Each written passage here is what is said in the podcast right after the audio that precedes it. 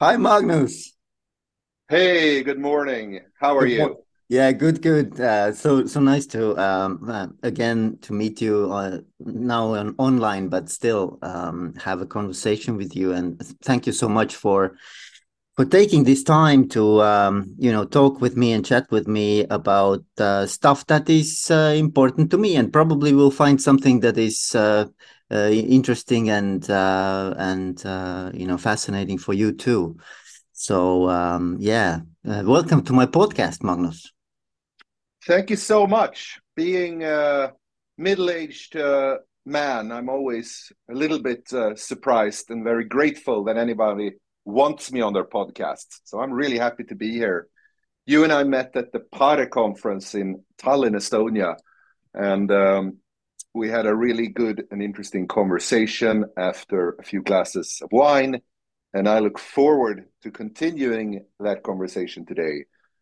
but uh, maybe because it's morning with less wine. Yes, yes.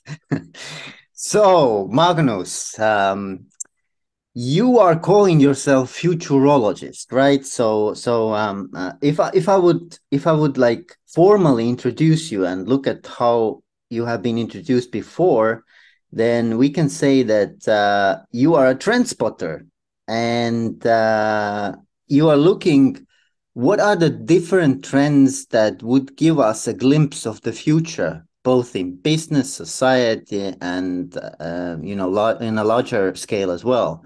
So, so how would you describe, or what is the most important thing you would like to um, say about yourself for our listeners? So I always have a professional answer and a personal answer.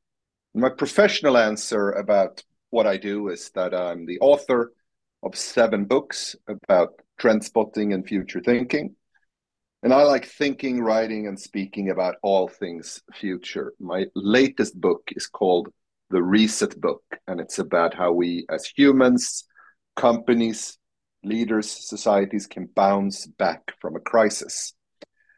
My personal answer then would be something like, you know, middle aged Swedish man, too sensitive for social media and with a mild fear of flying. I'm a business school graduate, a film school dropout, a failed rock star, failed novel writer, and I was able to put these failures together into a new profession in futurology almost 20 years ago today. So that would be uh, two different ways of answering that question about who I am and what I do. Yeah, yeah, awesome. I'm I just always like think like if if if somebody's um uh trying to envision future, then what what is the drive behind that? Like I would really love to know like how did you get involved in this futurology or like like what drove you to this kind of like um uh path? So so do you remember like when when did you get excited about this?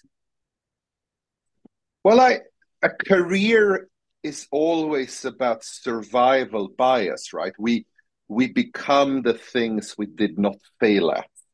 Had my rock star career taken off, I would have been touring arenas right now and writing fantastic hit songs. Uh, had my Hollywood career blossomed, again, we would not have this conversation. So I think that the first and the honest answer is that the reason I'm a futurologist and write and talk about the future is that it was the one thing I did not fail at. But to answer your more direct question, I think I think it's human to be fascinated by the future. It's a mystery.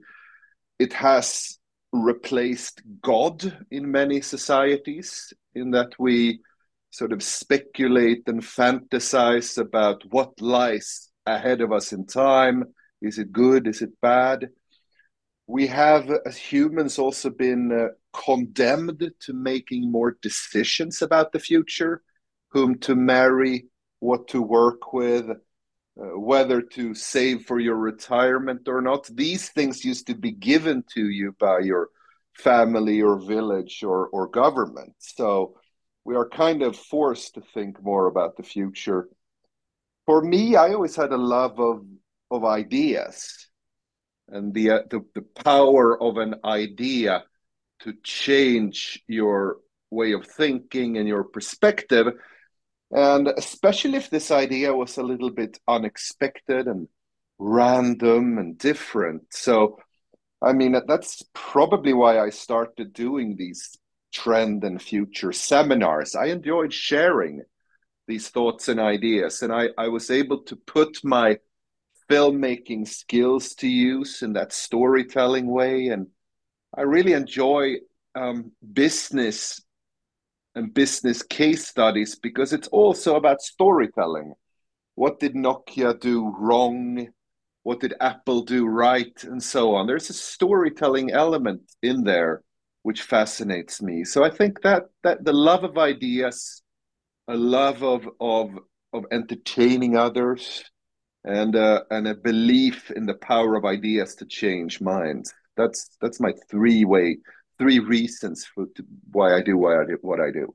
Mm, yeah, it's that's fascinating. Yeah, and I think like if, if I if I would ask be asked myself this question, I would also add like like I think as as humans we we have this um, craving to uh, to have a, some sort of a forecast or some sort of like um, kind of it's almost like a, we want to have a control of the future right? We, we we do want to have some meaningful understanding what could happen like some scenarios you know like building scenarios of different future and then we feel more secure i guess you know? Is is that also part of that?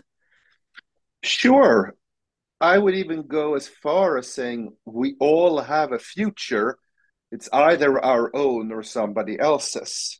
Mm. And I would, of course, like people to be better at what you talk about here, making scenarios for yourself, um, having the courage to dream, thinking in new and different ways about who you are, where you're going, and what you would like to become.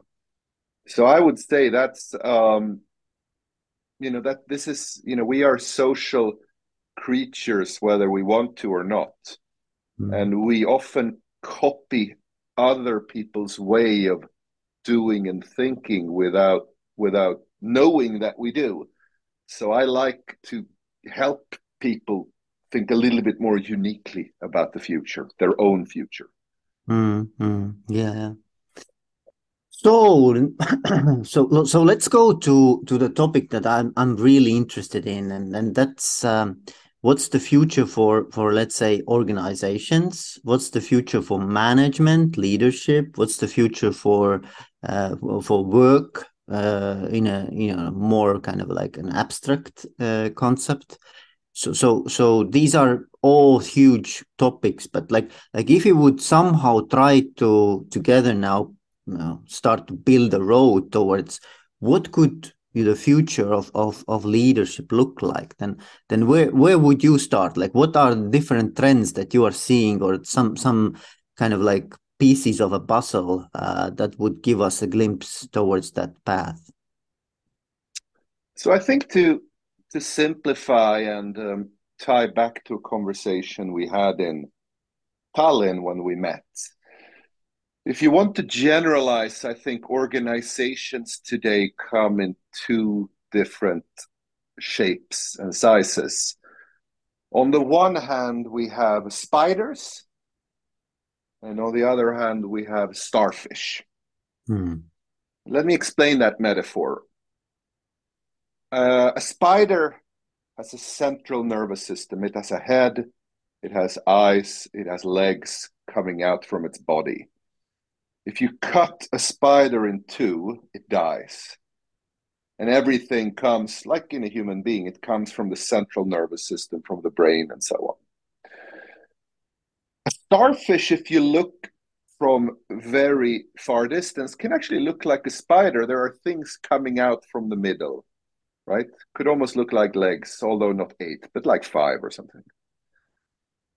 But there is no central nervous system in a starfish. And as many people who have tried to clean up beaches from starfish have noticed, if you cut them in two, you get two starfish. And there was an infamous operation I know where there was a starfish invasion. I believe it was in Australia. And some scuba divers went out to try to clean it up and they cut every single starfish in two, thinking that they had killed them. And in the morning, they had, they had an exponentially bigger problem. Mm. So, most of the companies and organizations that we um, work for invest in and do business with are like spiders, right? They uh, they have a, a, headquarters because you're required to by law. They have a CEO because they're required to by law. There is an organizational chart. There's a mission statement. There is a business plan, and so on. It's very much like a spider. But you see these new ways of organizing and being, which is a lot more like uh, starfish it's self-governed. It's um, there's no central nervous system uh, in place. These things started to emerge with things like Al Qaeda 20 years ago, or even more pronounced with ISIS, who was more decentralized than Al Qaeda. But then it, it's grown into you know different software movements, gaming communities, uh, protest movements, and with the working from home boom post pandemic, you can, for the first time, actually start to visualize what a world without leadership, or at least a world without a central nervous system, might look. Kind of mm. leaderless organizations or informal organizations. And I, I find these two things to be a very useful it's metaphorical, but it's a useful map of what organizations will be and become. I don't necessarily believe that spiders will die out. I think it's normal for people to seek formality and hierarchy, but I think the starfish organization we're going to see a lot more of because it's so much easier these days to self organize autonomously. Mm-hmm. Yeah. So so so immediately when when for example I introduced uh, the topic of self management in organizations to uh, various audiences, then then the you know we quite quickly come to a discussion of what's the nature of a of, of a human being right? So like it's it's almost inevitable that at the end you you will get to this question because some people say that that just it's not natural for a human being not to create a kind of like a, a power power relationship or hierarchy based on power. Uh, so so what's your take on that? Like like we, we talked about uh, slave and master. Remember when we met in Bara? Mm. and, and Jean-Paul Sartre. Yeah exactly. yeah. so maybe you can you can shed some light on, on on that as well. Like what do you think about this? No, I mean, I think, I think it's natural.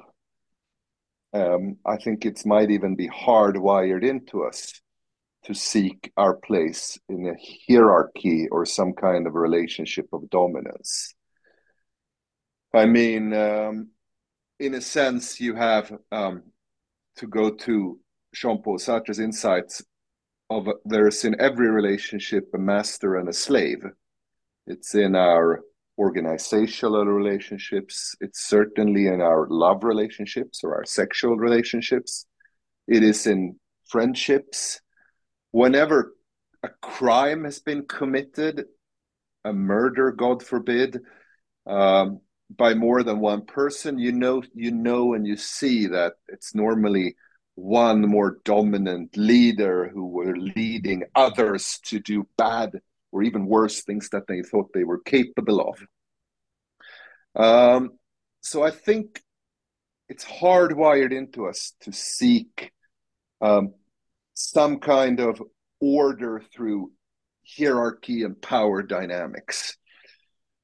But how that manifests itself, and more importantly, because we're talking about the future, how it will manifest itself is, of course, a completely different question. when I look at my children playing Fortnite, which is as close to the metaverse as we get in 2023, mm-hmm. um, there is an obvious power dynamic. You can talk about master and and and uh, slave in Fortnite as well, but it's circular. It's less unclear who's on top and why. And because it's the metaverse and you're completely uh, invisible to what you're like in real life. I mean, chances are that if you play a lot of Fortnite, it might be because you're hiding from the real world. You might be very small for your age, or you might be very shy, or you might be ashamed of what you look like. So you create this beautiful, big, tall, powerful warrior who is able to wreak havoc on the islands of Fortnite, which means that the the metaversical power dynamic is completely different than it would have been in another organization. And this you can, of course, also, we all know that during the pandemic, it, when we were forced to work over Teams, Zoom, WebEx, Google Meet, and so on, that the power dynamics shifted. The the brilliant asshole that we all kind of loved and hated tended to be less vocal and less frightening. The very shy person that we haven't really seen in the office was all of a sudden able to make a greater impact all of a sudden if you had a webinar people would start to ask questions because you were able to type them you didn't have to put your hand up and ask them so there's something really interesting happening in how power dynamics manifest themselves today mm. and in the coming years. Mm-hmm. Yeah, and and uh, I'm like I I am heavily drawn on. Uh, are you familiar with the self determination theory? I don't know if you are. It's it's popular. Not as familiar as sorry, not to interrupt. Not as familiar as you. So uh, yeah. please. Yeah, yeah, but but but you are probably familiar with Daniel Pink's Drive, like the book. Mm. Um, I am. Yeah, and and and he popularizes the whole idea. So so he has, you know, also the same kind of like three different like needs of human basic needs that that he's talking about. And the, main one is autonomy right? So so so the basic idea is that we are hardwired as human beings to seek for autonomy because this is the way how we oper- uh, you know operate and and uh, can can function most optimally. Um, and it's also one of the you know uh, great factors underneath the emotional stability and emotional and psychological well-being. So so autonomy is something that we actually want you know even though obviously there are power different power dynamics also at play in social settings but but all of us in some areas I, I would even argue like in areas where we feel that we have natural strengths um, seek for some kind of mastery and autonomy uh, to feel that we have the you know the driving seat that that we we can actually be good at something and and uh, enjoy doing it uh, and making decisions and choices so what do you think about that? Like autonomy, how you bring in autonomy here? Well, I'm it's because of the nature of our conversation, I'm going to try to be a little bit skeptical. Um, so two thoughts. Uh, I mean, we live in a world which is more interconnected than ever. So it's more difficult to be autonomous. If you uh, if you write with a pencil on a piece of paper, you're a writer, you might be writing an article or a book or a book chapter, you might sense that you are autonomous, right? You, you know how to write, you're not connected to the internet, it's only you, a pencil, and a paper. But of course, the pencil is made out of wood and uh, a carbon material So if you think about pencil was bought in an office supply chain, online or offline, manufactured from wood cut down by machines and people, graphite harvested in some mine somewhere. I mean, that pencil that you're using to write with, a conservative estimate, a hundred people were involved in making it come from mine and tree into your hand. Same thing with the paper, right? And pulp and forestry and so on. And these are the things we tend not to think so much about. Um, we tend to to to deceive ourselves through autonomy, to believe we are autonomous, failing to recognize that we've never had an economy global which relies as much on the specialization of many, many other people working together. And that's true for computers, of course, houses, living, heating, electricity, and certainly for food. So I, I maybe autonomy is some kind of feel good aspect in your work, but I but I think the most successful people today and I haven't actually measured this. Um, so I'm just going to make a random statement. But I, but I would, I would think off the top of my head, it is the people today who accept and use interconnectedness with others that tend to become most successful.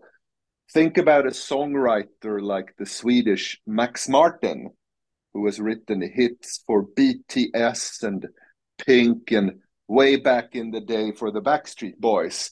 I mean, his whole thing is to, together with others, write songs for people who are much more gifted at singing and dancing and performing and better looking than Max Martin. so he works with that kind of super connectedness. Um, similarly, music is probably the best example of a uh, of a of a one giant mixture. I mean, you can you can be inspired by rhythms from the African continent combined with a Japanese made synthesizer who is copying the sound of a cello uh, from Austria. I mean, music is this continuous like copying and mutation machine. So if I if I were to rewrite uh, Daniel Pink's drive with its firm focus on things like mastery and autonomy that I that I do think are important. I think the feeling of having that is good, but I would I would I would call the book Connect instead and talked about you know the value of sampling positively, the use of mutations, and the autonomy illusion Mm. Yeah, I think it's it's really important uh, uh, factor or or like feature that you are bringing in into this talk. It's like how do you actually? I think they're both um, complementary, uh, and maybe not at the first glance, but I think they are. And how do you actually combine autonomy with connectedness? I think that's the that would be like the the formula for for for future success. I think like. Uh, that that autonomy can be understood as uh, trying to be like separate. Uh, you know, it's it's not actually, but I would argue it's not actually like the uh, the opposite of connectedness. I think autonomy for me is more the drive behind why I do some things, like like like uh, it's a motivational force, not so much a force of being um, you know self-sufficient or or being uh, you know not needing anyone else or or not needing the the the the society or or social setting or social group around me. So so i think like there there are different kind of like uh, angles how you can look at autonomy but for me it's more like like i if i say that out i am autonomous then for me it means that uh, I the whole thing that I'm doing is somehow uh, under my um, you know uh, I wouldn't say control, but like like I I know why I'm doing it and I know how to do it, and I'm good. Actually, I'm also good at it. What I'm doing, but it doesn't mean that I don't need input or I don't need some shared thoughts or some collective wisdom to go forward with it. So so I I think like how to connect those two trends that would be interesting.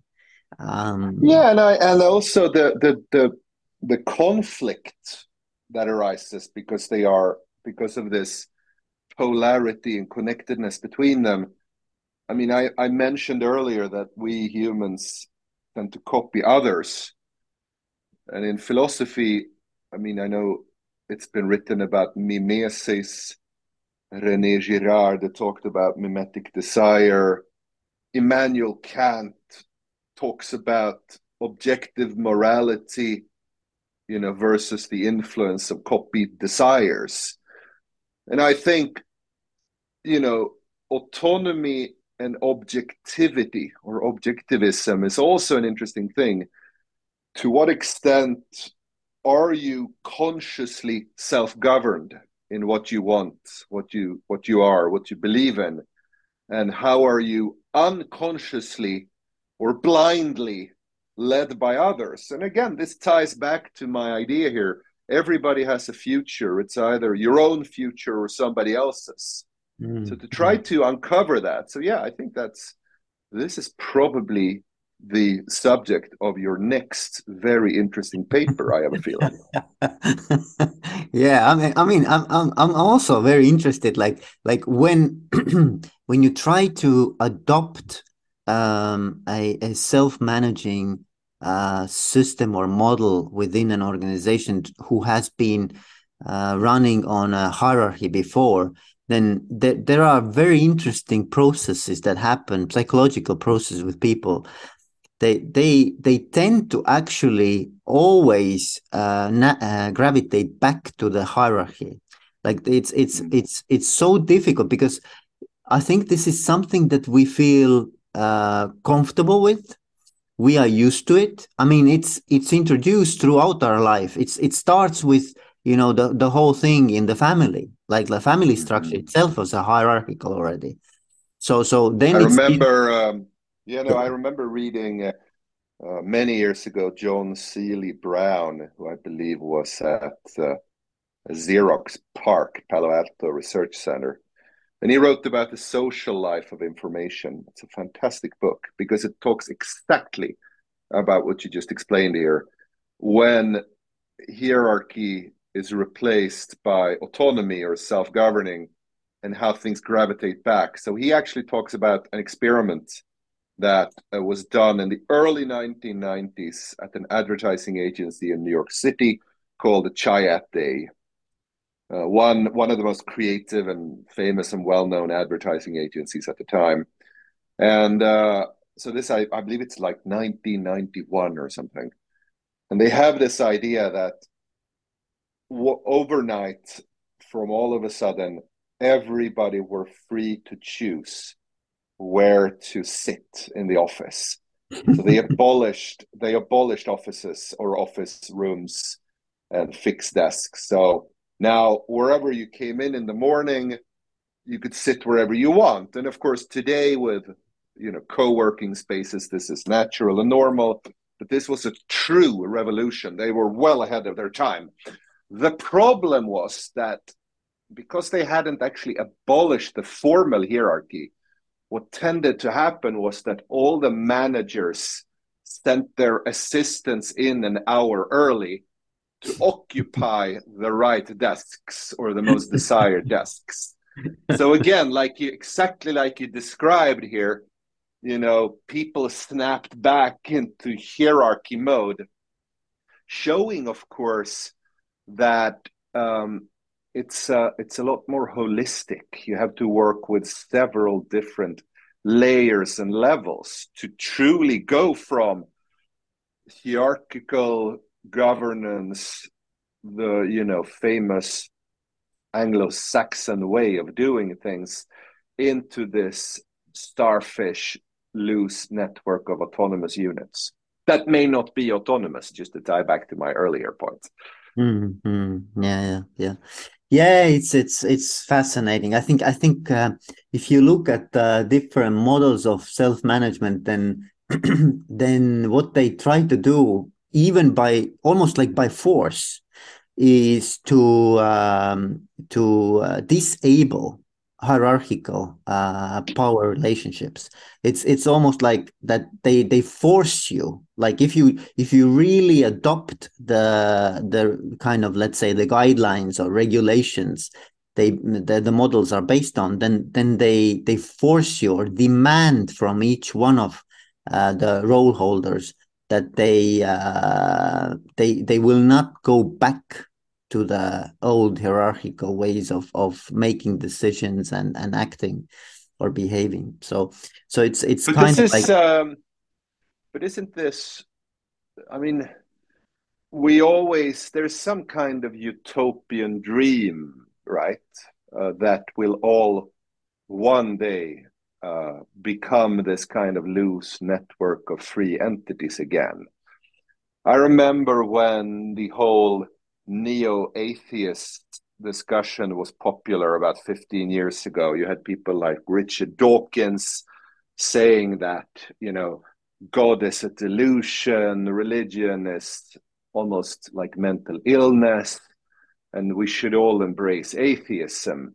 Believing then, of course, that if just everybody in the world became atheists, then we would somehow be free from the shackles of hierarchical religion. But then there were a lot of others saying, no, we'll just be slaves to some new way. Instead of saying for God's sake, we'll say for science's sake.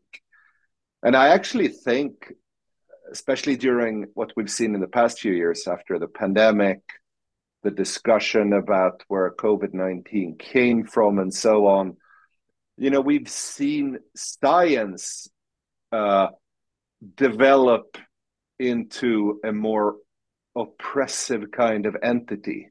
As long as you say science or scientists, you're allowed to like almost dominate others with it. So I'm not so sure that we'll able get to that state that you describe, you know, from that we don't snap back. I might I think it's and I think you and I probably agree that it's so much more difficult and probably maybe even impossible to create fully autonomous free entities.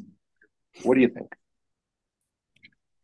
I don't I don't know the answer. That that's why I'm studying it. Uh, that's but, why you're but, a researcher. That's why I'm researching it exactly, and that's why we're having this, these discussions as well.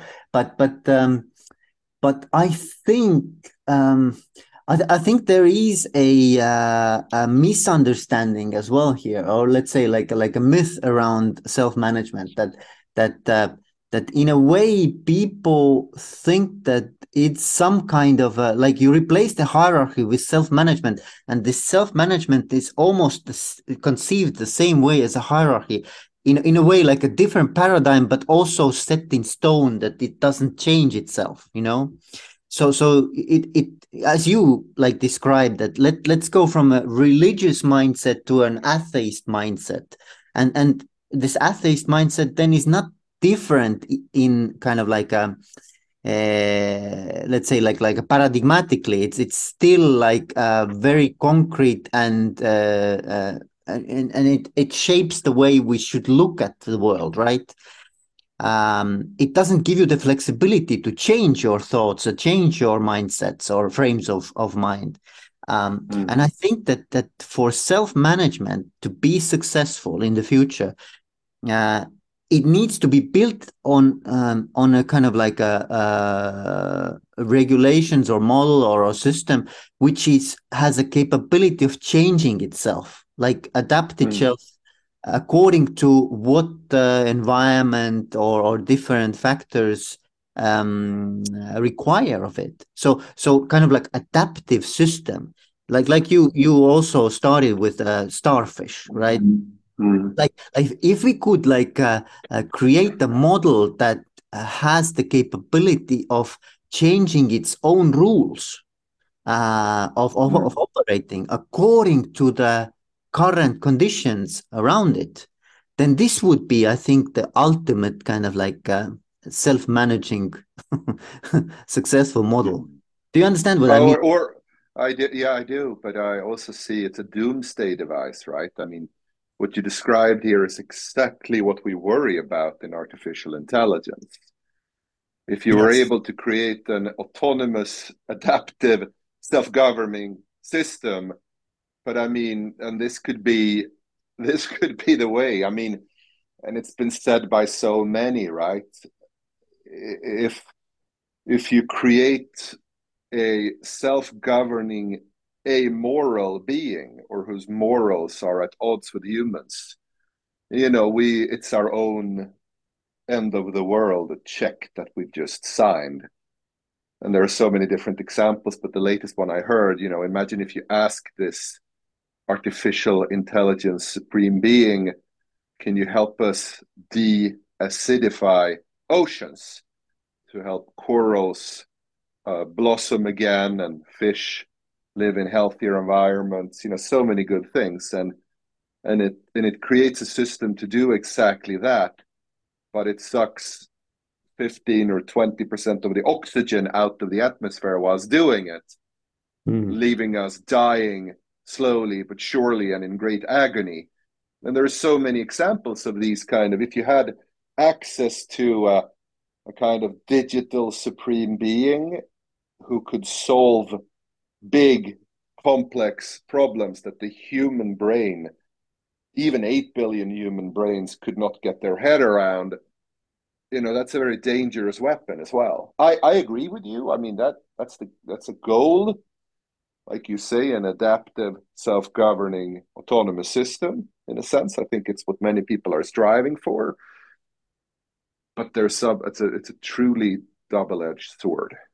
Mm. It it almost requires also that this the kind of empathy and meaningfulness and and like a purposefulness. Um, purposefulness, yeah, that's beautiful. Purposefulness, yes. So so it, it requires these these different uh, uh, dimensions as well. But it, it's if it obviously if it's a machine, then this is much harder to achieve than than uh, if it would be uh, self-governed by by humans, right? So so yeah, yeah I and mean, again, yeah. morality, tying it back to to Immanuel Kant, you know, morality, you know, is is it, we can strive towards an objective morality, but very often it's sort of governed by other people's desires, temporary fads, and so on. I mean, there are people in the world today who believes that it's moral to lower the population of the planet, either through means of not having children,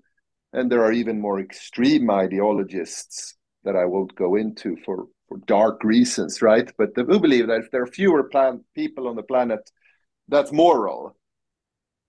Whereas others, of course, believe that you know life is sacred. Uh, you know, moral is a man-made concept and if there are more brains in the world, there are more brains to solve problems and find ideas, both big and small, for how to how to invent things or write beautiful music. So, you know, it's um, to just say that the artificial intelligence supreme being should be moral. It sounds easier, but it's it becomes very very difficult. There's moral conflict built in uh, in humanity. Yeah, yeah, yeah, yeah. I agree. Yes. So there are no easy answers, Magnus. well, for some things there are, right? I mean, who will win the next World Cup in football? Uh, that's an easy answer, although we tend to be wrong uh, actually, I, I remember reading Daniel Gilbert's book about stumbling on happiness, and the recipe for happiness is actually surprisingly simple. Talk to older people, ask them what make them happy, and just copy that. but we don't want that because we want to be autonomous. We want to discover for ourselves and make our own mistakes. So we're kind of doomed to slight misery.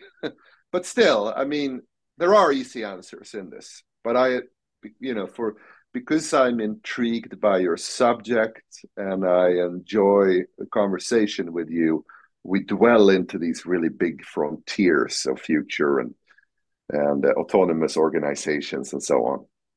Yes, yes, yes. I, I think I think even if I if I I you know to be honest, if if if I look at these different as you say frontiers, then I can I can most definitely say that eh, eh, there there are maybe not even one single right answer to be found. Then it's still it's still intellectually so powerful and intriguing to to think about these possibilities. Like what what are the possibilities for different uh, ways of organizing ourselves and uh, and what are the outcomes and maybe something will will realize as well. So yeah it's it's all yeah and I, i've noticed that the the gap between wow it's amazing science fiction that will never come true to like meh boring everyday stuff. Technology is shorter than it's ever been i mean i remember at the ted conference in 2006 i saw somebody demonstrate touchscreen technology where you could like swipe and drag things and and and pull at things. I mean, it was really beautiful. A couple of years later, it's in every single smartphone, mm. and most people don't stop and go, "This is amazing today." Wi-Fi on airplanes, right? Or even Wi-Fi, mm. or even the internet, right? And so, so we go from like amazing to boredom quicker than we've ever done, which is why it's so helpful to just stay in that kind of or, or actually pursue amazement and wonder and wow more often today i think that's that's the challenge of science fiction or or the challenge of futurology even to to continually try to do that and pursue that and what do you think? I mean, this is also very fascinating. Like, like I believe, I really truly believe that if if there is a future that we can envision, let's say we we can actually describe it in some like clarity, then it's also a possibility that will actually realize at some point. It's just a matter of time. Do you think like? Do you believe the same thing? Like, whatever we can conceive in our mind is actually uh, possible to also uh, you know build uh, in reality but it's just a matter of time how long it will take. Sure but but more importantly i believe it's the things that we did not conceive in our mind mm-hmm. that that come true right? And that that can both mean amazing fantastic things. I mean the fact that life expectancy at birth has doubled in the past century, or even more in many countries. That's amazing. Yeah. I mean, that this would have been unheard of or unthinkable. But then you have these like beautiful, meaningless things like Red Bull. Red Bull is a completely meaningless product, yet it has generated wealth. A lot of people enjoy drinking it. I find it a little bit disgusting, so I find that hard to understand. Uh, but I mean, nobody would sit down and say in the future we'll have this like Thai originated tonic called Red Bull that people will drink to be able to play computer games better. I mean, that's and that that actually intrigues me more. These kind of little experimental accidents.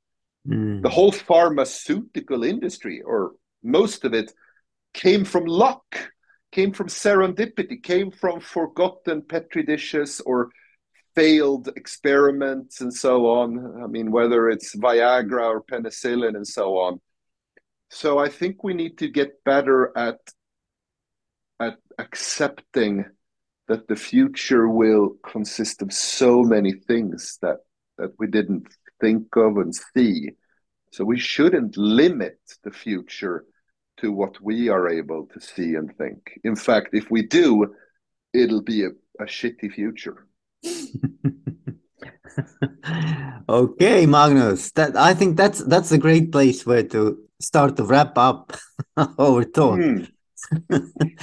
so so so I guess my my last question would be uh, has there been anything that I haven't asked you and I thought like let okay I'm I'm gonna have a chat with Veiko and I, I would love to also um, you know talk about this um, and we haven't really touched upon it or maybe we have and you would like to just make it once more kind of like a like well a... one thing that i'm interested in and this might be a difficult question for both of us to answer but you know i've been coming to estonia for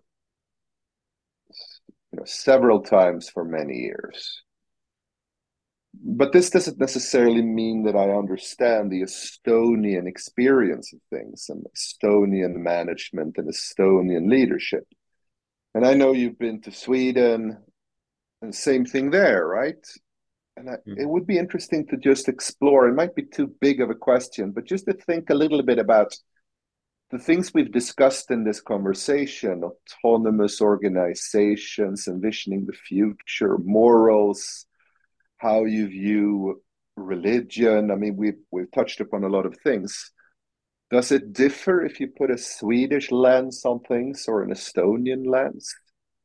Mm. This is always because uh, I think talking to you, you know, you're you're as accomplished and you know impressive as as any researcher that I've spoken to, whether they be from the UK or the US or Singapore so there's something global in what we're talking about, but you know the the kind of cultural national lens shaped by our upbringing and the way we see things, and maybe that that should be the subject of of a future podcast between you and I. I'll I'll happily come back here. Oh, cool. Yes. What what you remind me is I don't know if you are familiar with Geert Hofstede's um, uh, book and and uh, his research in sure. I think sure it was in, it was in 80s I think it was uh, yeah I mean uh, yeah, yeah Hofstede and then later on Fons Trompenaars yes and yes. I'm told that they started fighting each other which many Dutch people tend to do but also uh, you know, master and slave, or it was like Freud and Jung and so on. Yes, so yes, yes, yeah, no, I mean that I I like that, but I find I find their cross cultural studies, or at least the way they're often presented, to be a little bit uh, simplistic, cliched, yeah. and mainly there to entertain. Yeah. There might be deeper things to explore in this that are not yeah. as much fun or as easy to get your head around, but I, I think it shapes these conversations as well. Yeah. And the yeah. thing about a lot of academic studies is that they have been you know, gravitating towards the West, what we sloppily call the West. Mm. Um, but these days, of course, we're living increasingly in a multipolar world, for better or worse. So we'll probably see multipolar views on mm. these things. Um, that would be interesting to explore. So the multipolarity of autonomy, that's a sufficiently uh, selling title for our next podcast episode, which uh, which will take place in the future, by the way. in the future, yes, yes. No, but but you, you I think what there, there is some um, very interesting um, uh, value in what you are saying. I think like like the, the message is that that you have to be a, a an able to be a follower and also a leader uh, you know simultaneously like like almost like you, you can shift from one to the other and i think this is one of the uh, i don't know if it's a skill but it's like the the flexibility of being both uh, and shifting from one to the other um, and and achieving mm. i think is also part of this what we are talking about like like like it's not possible to be just a leader it's not possible to be only a follower but it have to be somehow like a fluid in in your positions.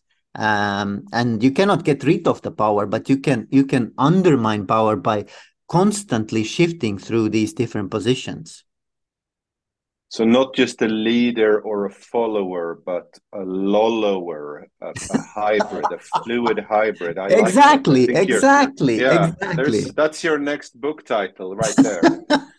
thank, thank you, Magnus. thank you.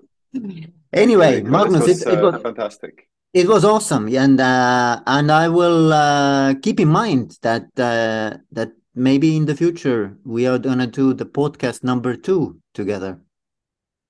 Indeed, yeah. Uh, I'll happily come back anytime. This was a great learning experience for me as well. So, thank you for having me on. Awesome, Magnus, and uh, all the best to you and uh, whatever are your future ho horizons. So. Um, all the good luck for you. Thank you. Speak soon.